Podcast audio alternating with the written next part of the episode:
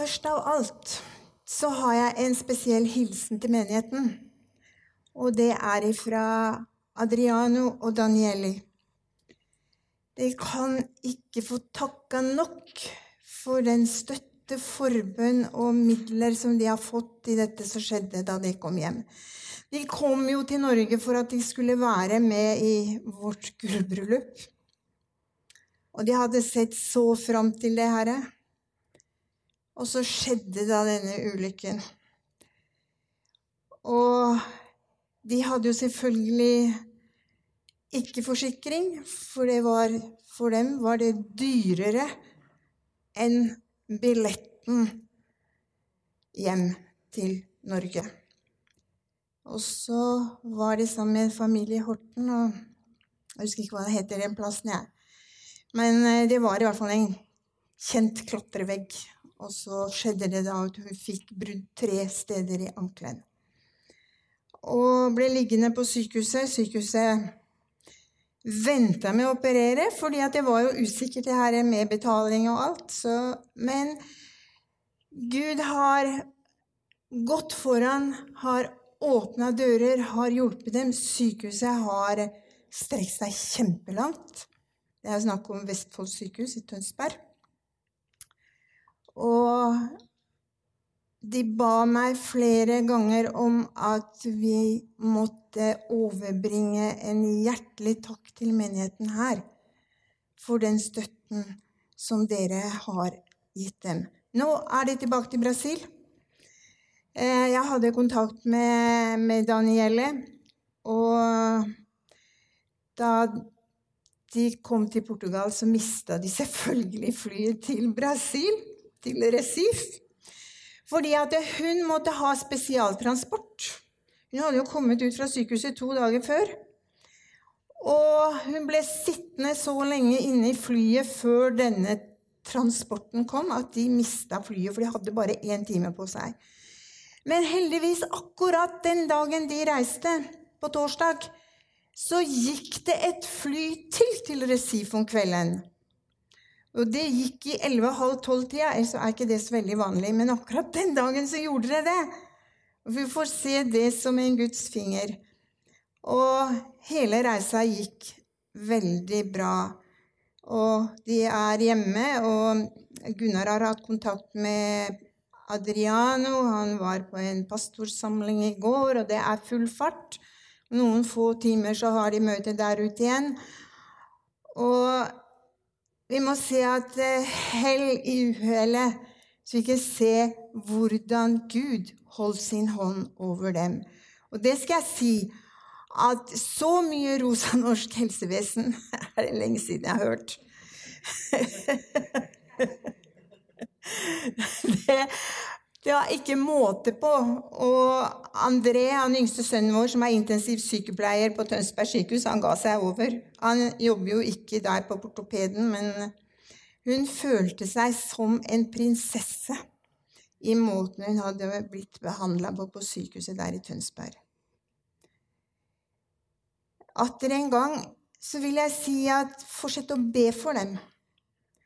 At helingen av de tre bruddstedene i ankelen går godt, og at hun kommer seg. Dere får sende ut hilsninger til dem, dere som har Facebook. Gjør ingenting om du sender på norsk. Hun sa det at eh, disse dagene på sykehuset hadde gjort at eh, hun var blitt bedre i norsken hadde tatt opp igjen norsken som hun hadde glemt. Så det var jo flere der på avdelingen som lurte på hvordan det hadde seg at hun snakka såpass og forsto såpass. Så kanskje det var en måte for å bli bedre i norsk også.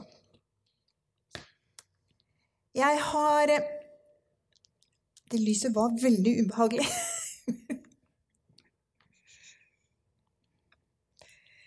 Jeg har eh, denne uka her gått og tenkt på Jeremias. Og jeg satt i begynnelsen av uka og mimra over en film jeg så om Jeremias.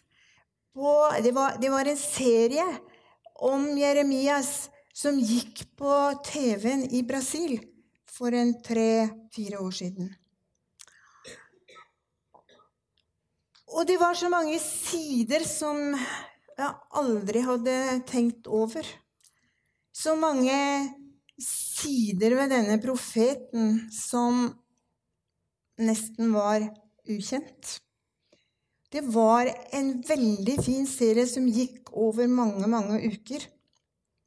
Du fikk et innblikk i hvordan han kjempet, hvordan han led, hvordan han var trofast mot oppgaven og kallet han hadde fått. Og jeg vil lese, begynne med å lese noen kjente vers ifra, ifra Jeremias kapittel 18. Der står det ifra vers 1. Og dette er det ord som kom til Jeremia fra Herren. Stå opp og gå ned til pottemakerens hus. Der vil jeg la deg høre mine ord. Jeg gikk da ned til pottemakerens hus, og se, han gjorde sitt arbeide på dreieskiven. Og det karet som han gjorde av leire, ble mislykket i pottemakerens hånd. Da gjorde han det om igjen, til et annet kar, slik han ville ha det. Og Herrens ord kom til meg, det lød så. Skulle ikke jeg kunne gjøre med dere, Israels hus, som denne pottemakeren, sier Herren. Se, som leiren er i pottemakerens hånd, slik er dere i min hånd, Israels hus. Jeremias, eh, profeten Jeremias bok, det er kanskje en av de største eh, profetiske bøkene i Bibelen med sine 52 kapitler. Og lange kapitler. Det som er interessant, det er at de, de, de er ikke skrevet i kronologisk rekkefølge. Det vil si at de ulike tingene som eh, Gud sa til Jeremias at han skulle fortelle menneskene å skrive ned, skjedde ikke i den rekkefølgen som vi leser det. Og Jeremias han skrev da dette i mellom år 626 til 586 før Kristus.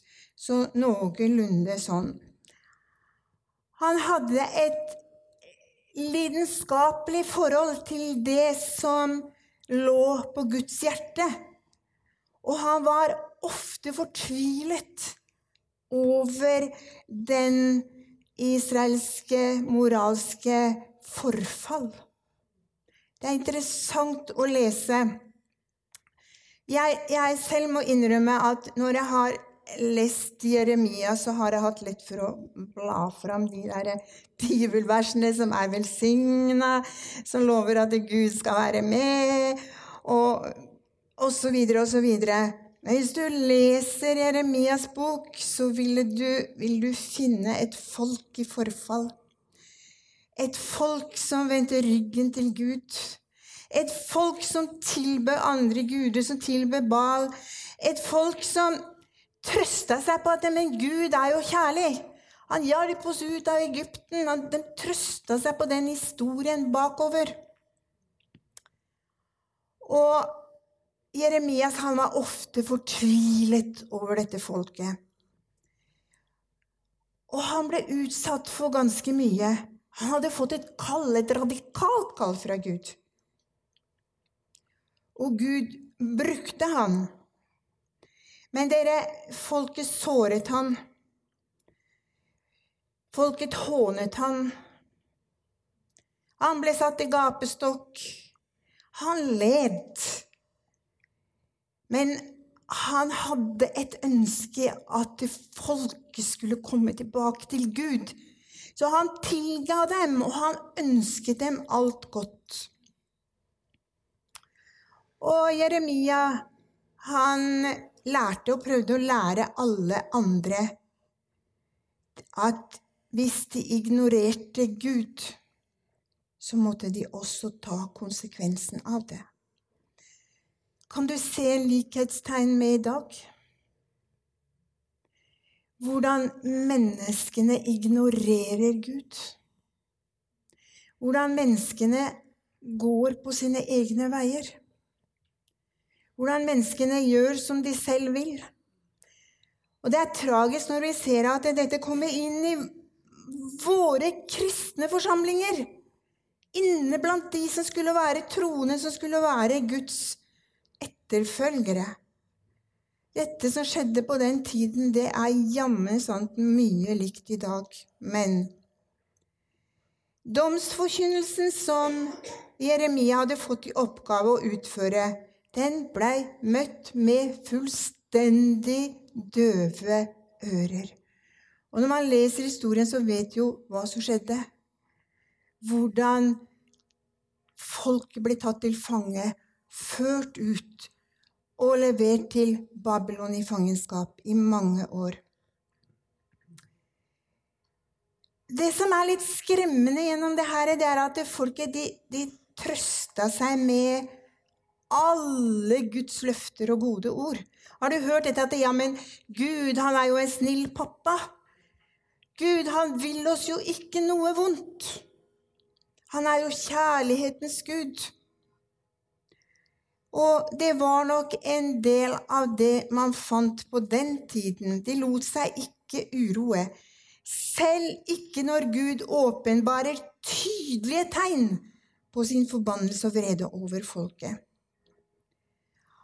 at Gud skulle slå handa av Jerusalem, det var jo helt utenkelig for folk på den tiden.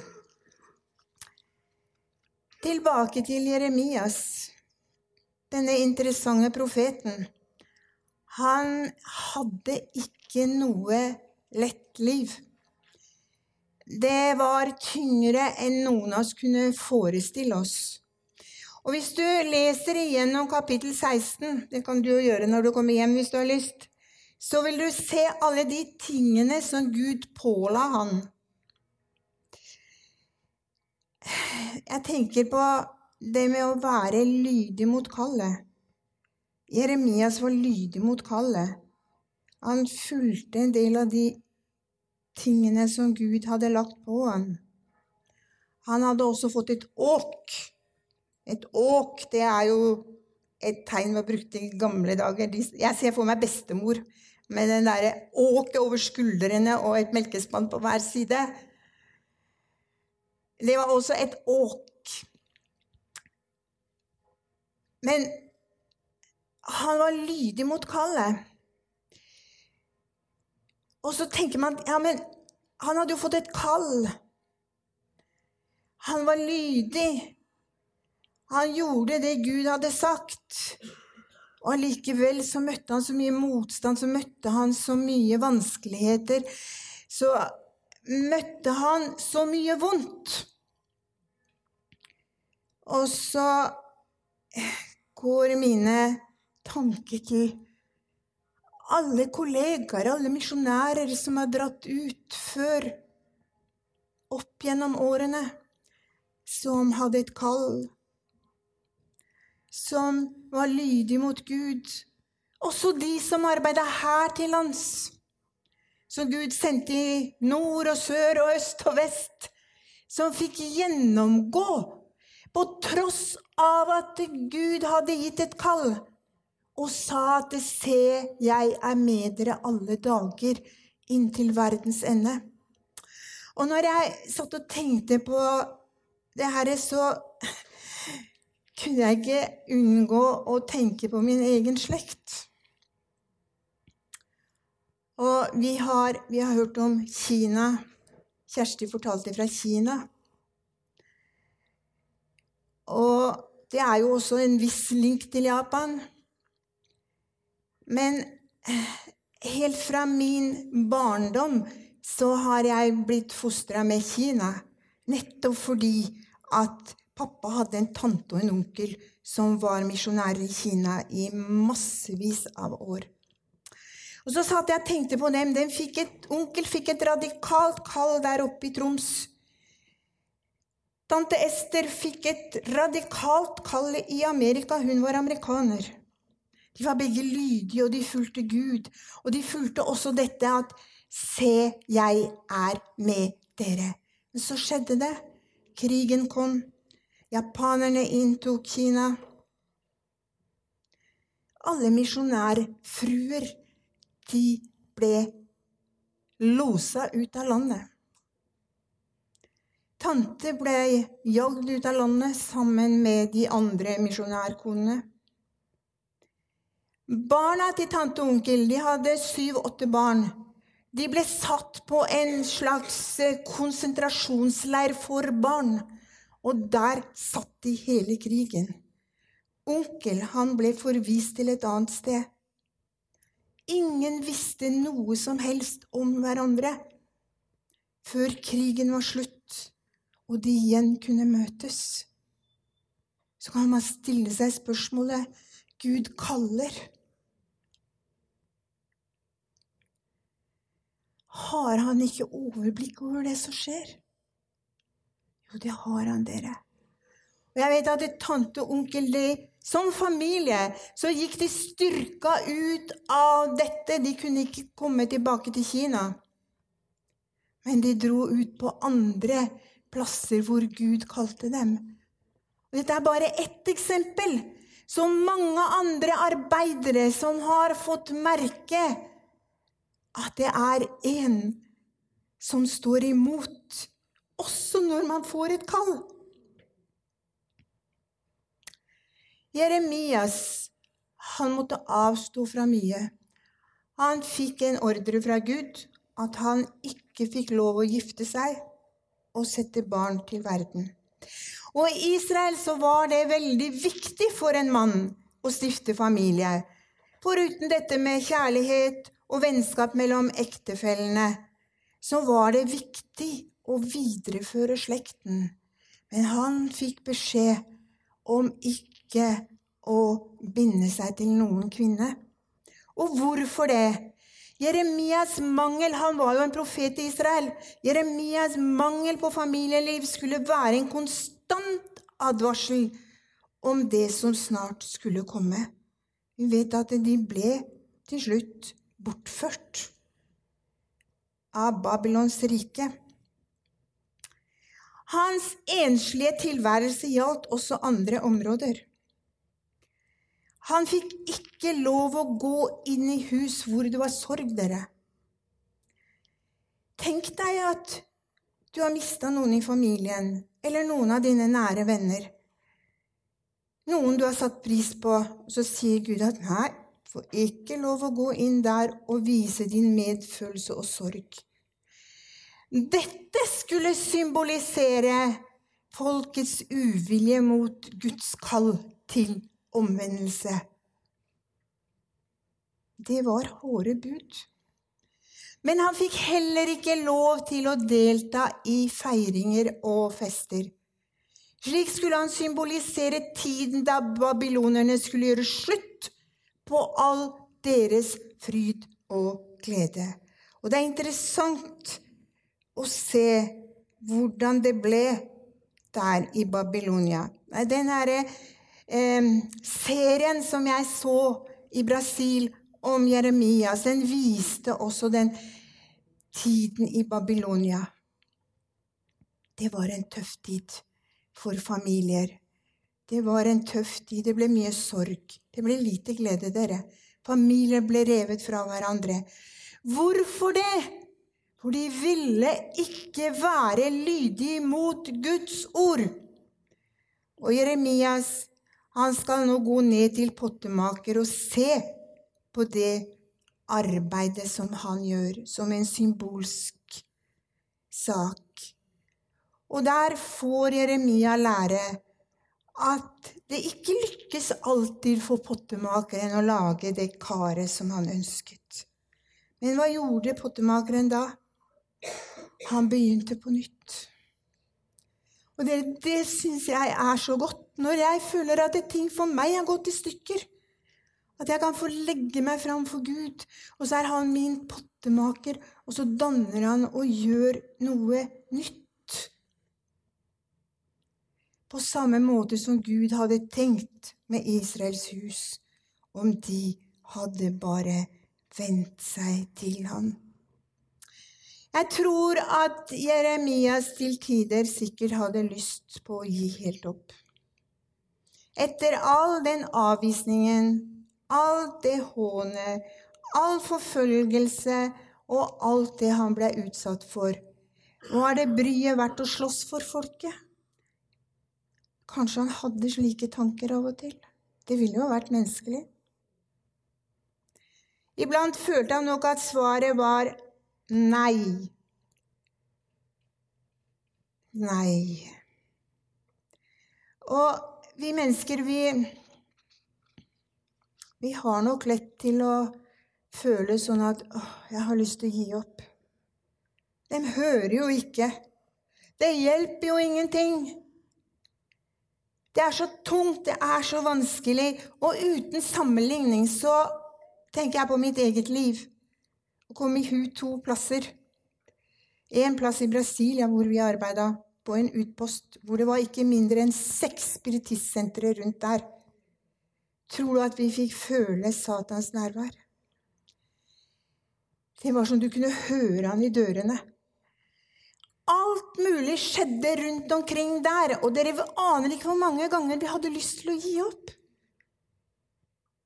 Men så fikk vi oppleve en dag, og det var jo min egen far som var ute på besøk da, at hun som var regna for den ja, jeg et norsk ord som heks i ordets rette forstand så var den verste av alle på alle de spiritistsentrene. Hun dukka opp på møtet.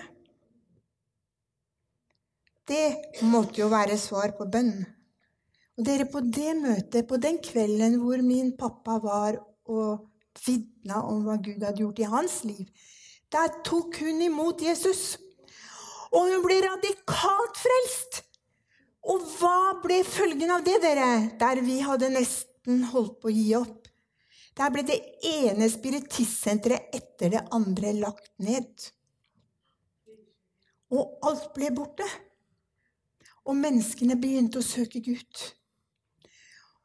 Og Dette er mange år siden, og når vi var tilbake i Brasilia i 2003, så fikk vi lov å besøke den menigheten. Da hadde de bygd et stort lokale lenger ned mot byen. Og det var så fantastisk å se hva Gud gjør. Han kan ta alt dere. Han kan forandre lærkaret.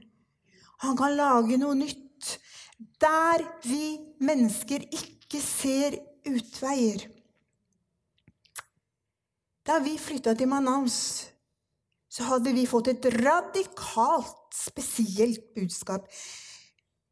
Et kall ifra Gud på en måte som vi aldri opplevde verken før det eller etter hvor vi opplevde at Gud talte direkte til oss. Gunnar på reise i Manaus og jeg i Brasilia. Dette har vi snakka om før. Men dere, akkurat som, akkurat som Jeremias han hadde fått et kall, og Gud ville bruke han, og begynte å bruke han helt fra han var ung av, så han også tenkte nok det at Gud har kalt meg, og da vil han være nær. Og vi gikk også til Manaus på et kall. Men aldri hadde vi drømt om at vi skulle møte så mye vansker. Med forfølgelse, med hån, med spott, med arbeidere som arbeida imot. Det var så vi holdt på å gi opp mange ganger. Og mange ganger så sa vi, kjære gode Gud, var det bare tull, det vi hørte? Var det innbilning, det vi hørte fra Gud? Så får vi se at sakte, men sikkert så går ordet fram. Og da vi var tilbake der for tre-fire år siden, så var det fantastisk å se hva Gud gjorde. Hvor mange menigheter som hadde blitt. Hvor mange mennesker som var blitt frelst. Misjonærer som var sendt ut fra menigheten der vi holdt på å gi opp. Men Gud, han banet vei. Og Gud, han banet også vei for Jeremias.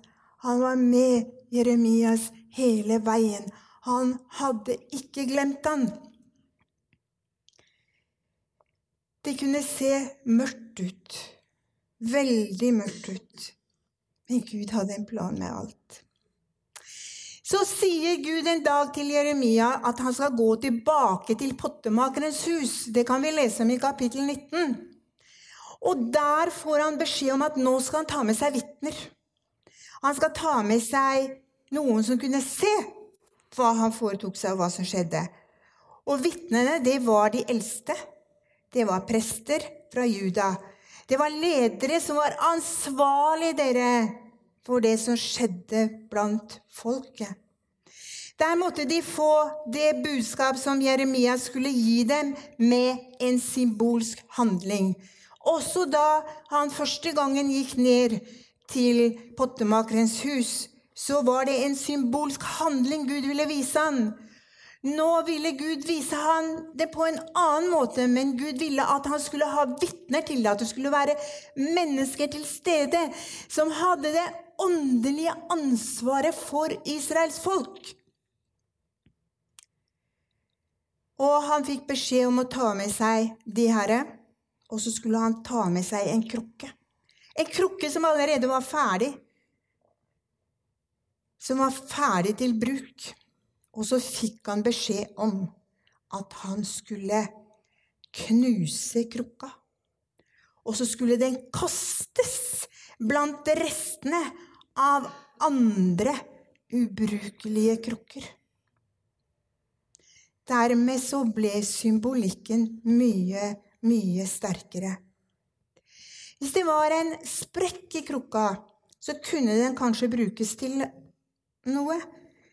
Men Jeremias han skulle ikke bare gi en sprekk. Han skulle knuse den. Han skulle gjøre det helt ubrukelig. Og det er litt skremmende å tenke på at det, dette symbolikken var helt ugjenkallelig i menneskers øyne. For hvem kan fikse en knust krukke? Men Herren har ga folket et framtidshåp, med mindre de vendte seg om. Tenk på noe som er ødelagt, som ikke kan fikses. Hva skal det brukes til? Og hva skjedde det så med det som var ubrukelig? Her står det at det blir kasta ut blant alt det andre som var ubrukelig.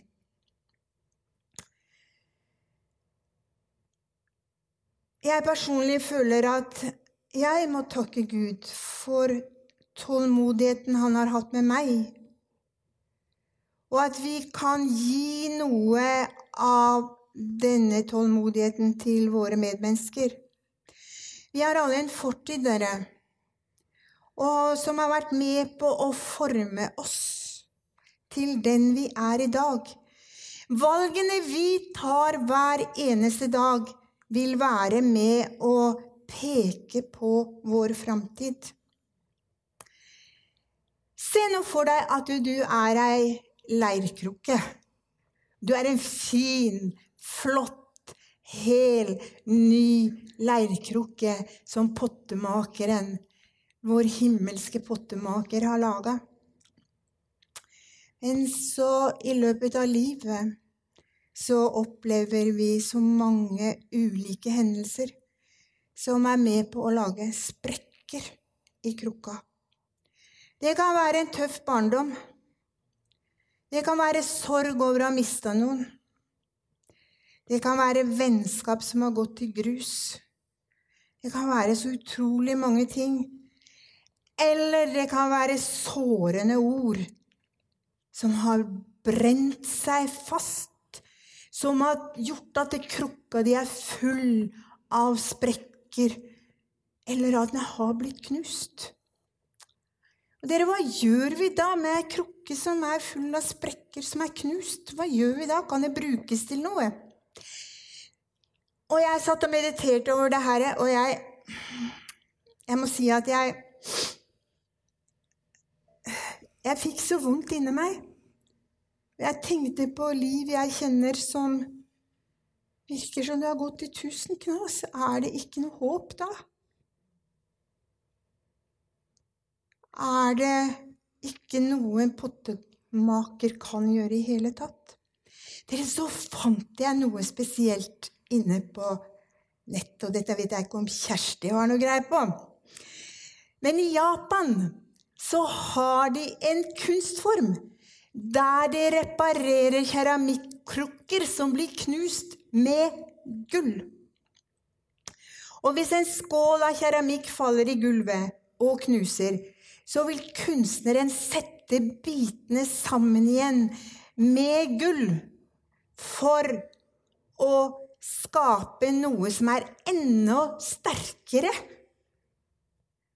og vakrere enn den opprinnelige krukka. Og jeg stoppa ved det der, men så står det en liten notis nederst.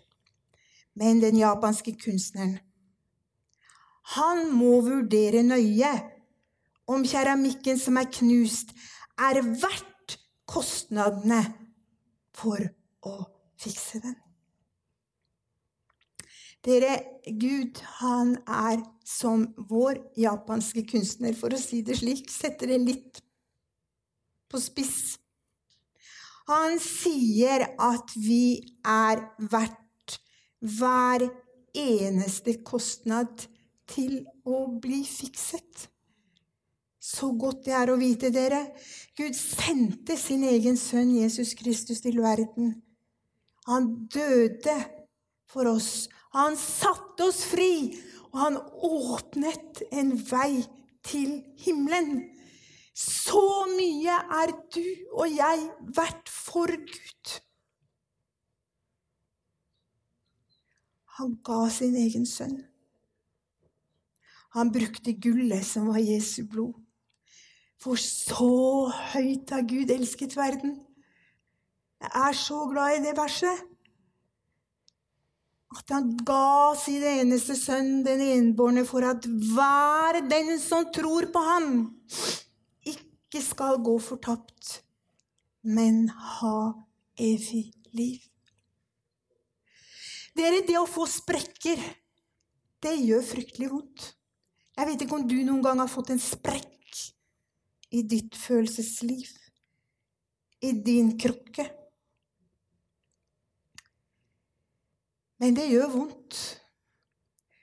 Og det samme gjelder det når Gud begynner å arbeide på den sprekken. For å hele den. For å gjøre oss hel igjen. Det kan være smertefullt. Det kan være en prosess over lang tid. Det er så mange sprekker som må fylles med gull fra himmelen. Gud, han reparerer sprekkene i krukken din og min med gull. Og en ting til, det er at da blir vi ikke som den gamle krukken igjen. Vi blir helt ny på en annen måte. Der han har gjort oss mye sterkere enn den gamle. Og når han nå har gjort oss hel igjen, så ønsker han å bruke deg.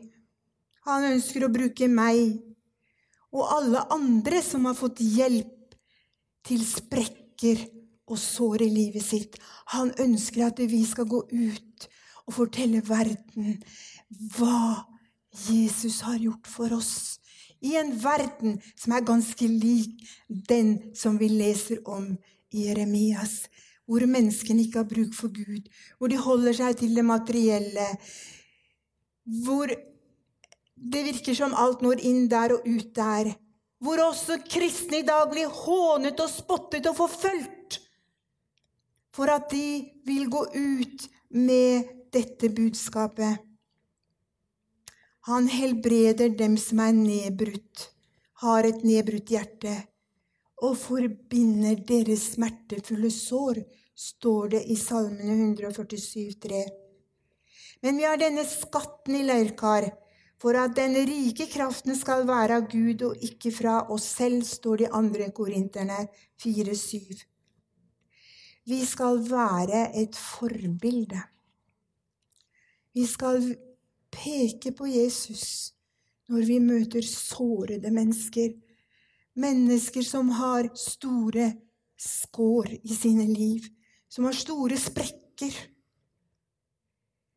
som holder på å gå i stykker, så kan vi få lov å peke på Jesus. Han er gullet, dere, som reparerer dette livet til noe helt nytt.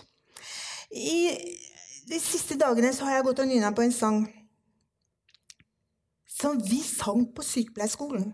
Jeg gikk jo på Metodistenes sykepleierskole, og på den tida så måtte alle ha brev fra sin pastor at de tilhørte en evangelisk menighet. Og vi sang veldig mye. Og jeg har prøvd å finne denne sangen, men jeg klarer bare å komme på noen strofer. Og jeg husker at vi sang den så mange ganger ute på Lier sykehus. Det var den gangen vi hadde lov til å ta med gitaren og synge på avdelingen. Selv når vi var på jobb. Og den, den begynte sånn Mislyktes maktesløs synker du om. Dog er det håp for deg. Husk at som lere du er i Guds hånd. På ny han deg danner for seg. Og så begynte koret sånn Jeg vil gjenta meg av deg. Jeg vil gjenta meg av deg. Så er han her i kveld. Sånn vil han igjen ta seg av oss. Hvis du sitter her i kveld som kjenner på sår, som kjenner på vansker, som kjenner på så mange ting her inne, så husk at den himmelske pottemakeren, han er her i kveld. Han ønsker å bruke deg og dine gamle sår og smerter, for å si det slik, til å hjelpe og velsigne andre. Gud vil at vi skal gå på skattejakt, lete etter det gode han har lagt i hvert enkelt menneske. Du er dyrebar i mine øyne, verdsatt og elsket av meg, står det i Jeremias 43, 4. Og så står det i Jesajas 40, 29, Han gir den trette kraft, og den som ingen krefter har, gir han stor styrke. Og i Jesajas 41, 13, Men den som venter på Herren, får ny kraft. Han er her i kveld til å møte deg og meg. Kjære himmelske Far, vi kommer fram for deg denne stund. Og jeg vil takke deg, Jesus, for det du har gjort for meg, for mitt liv. Takke deg, Herre Jesus, for at du har reparert alle sprekker, alle sår, alle ting, Jesus, som kunne ha gjort meg til et fullstendig mislykket kar. Takk for at du er her til stede i kveld for å møte hver eneste en, Jesus. For å fylle opp med himmelsk gull, Herre Jesus for å istandsette oss og gjøre oss brukbare for deg mens det ennå heter i dag, Jesus. Takk, himmelske Far, for at om karet går ikke så bra på dreieskiven til pottemakeren, så tar du det på nytt og gjør det om til et nytt og bedre kar. Må du velsigne denne menigheten hver eneste en som går her, hver eneste en som har en oppgave her. De som leder arbeidet her, Jesus. Å, himmelske Far, jeg vil også be deg for de som er sendt ut fra denne menigheten. Se til Vidar der han er nå, Jesus. Gå foran og åpne dører. Takk for det arbeidet Kjersti og Vidar gjør i Kina, Jesus. Det er sikkert mange kar også der som er sprukne som trenger din legedom, Jesus. Takk for at vi kan få legge denne byen framfor deg. Å, Herre Jesus, frels mennesker i Drammen. Bruk menigheten i denne byen. La oss stå sammen for å vinne sjeler for deg, Jesus. Tiden er kort heretter. Snart kommer du for å hente dine. Og jeg ber deg, Jesus, Se i nåde til hver og en av oss. Bruk oss, du.